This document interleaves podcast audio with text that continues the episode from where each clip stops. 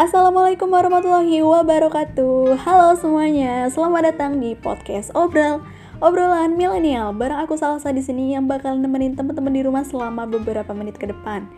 Apa kabarnya nih teman-teman di rumah? Semoga baik-baik aja ya.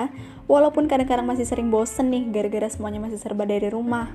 Kerja dari rumah, belajar dari rumah Tapi jangan jadiin alasan ya buat kita males-malesan apalagi buat teman-teman mahasiswa nih walaupun gak dapet uang jajan harus tetap semangat karena UKT kita tuh mahal guys.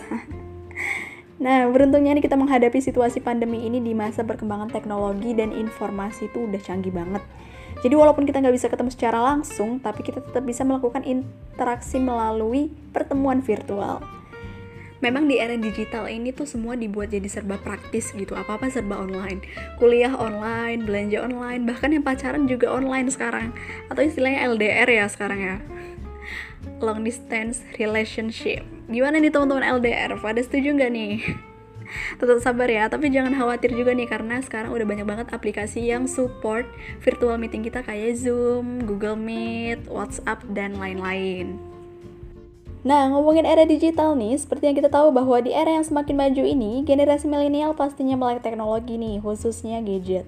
Emang ya di zaman sekarang tuh hampir semua orang gak bisa lepas dari yang namanya gadget. Ayo ngaku nih di antara teman-teman semua siapa yang baru bangun tidur langsung cari handphone. Kayaknya hampir semua ya. Soalnya saya juga kayak gitu. Walaupun gak ada yang ngechat ya, tetap pegang handphone aja lah pokoknya. Waduh, jadi curcol nih. Nah, menurut survei, mayoritas milenial Indonesia sudah mengalami kecanduan dan ketergantungan gadget. Sebanyak 79% milenial diketahui membuka ponsel satu menit setelah bangun tidur. Gadget itu sendiri merupakan perangkat elektronik kecil yang memiliki fungsi khusus dan memiliki unsur kebaruan.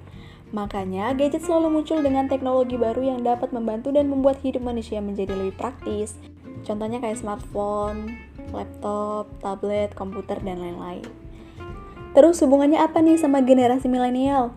Para milenial dituntut untuk selalu mempunyai banyak ide dalam mengembangkan dan memanfaatkan teknologi yang sudah ada. Hal tersebut diakui oleh dua generasi milenial yaitu Umi dan Zenda selaku mahasiswi ilmu komunikasi UIN Sumatera Utara. Menurut mereka, dengan adanya gadget membuat kita menjadi lebih kreatif, lebih cepat mengetahui berbagai informasi dan bebas melihat dunia.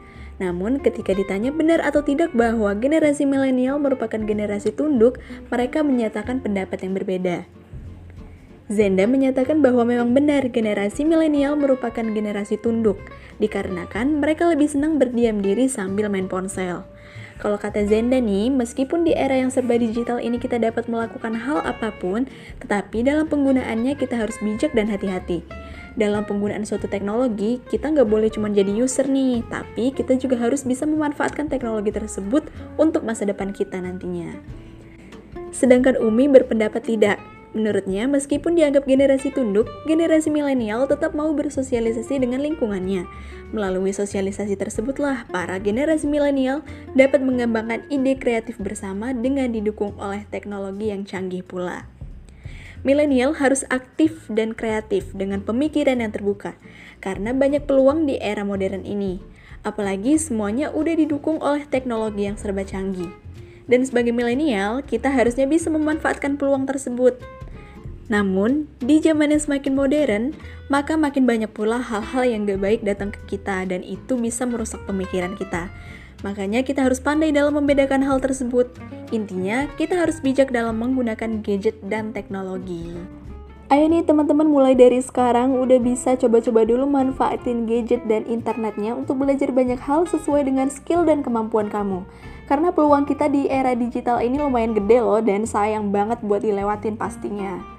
Nah, itu tadi pembahasan kita tentang gadget dan milenial. Gimana menarik banget kan? Makasih buat teman-teman yang udah meluangkan waktunya untuk mendengarkan podcast ini. Nantikan podcast obrol selanjutnya dengan topik seputar milenial yang unik, informatif, dan juga menarik.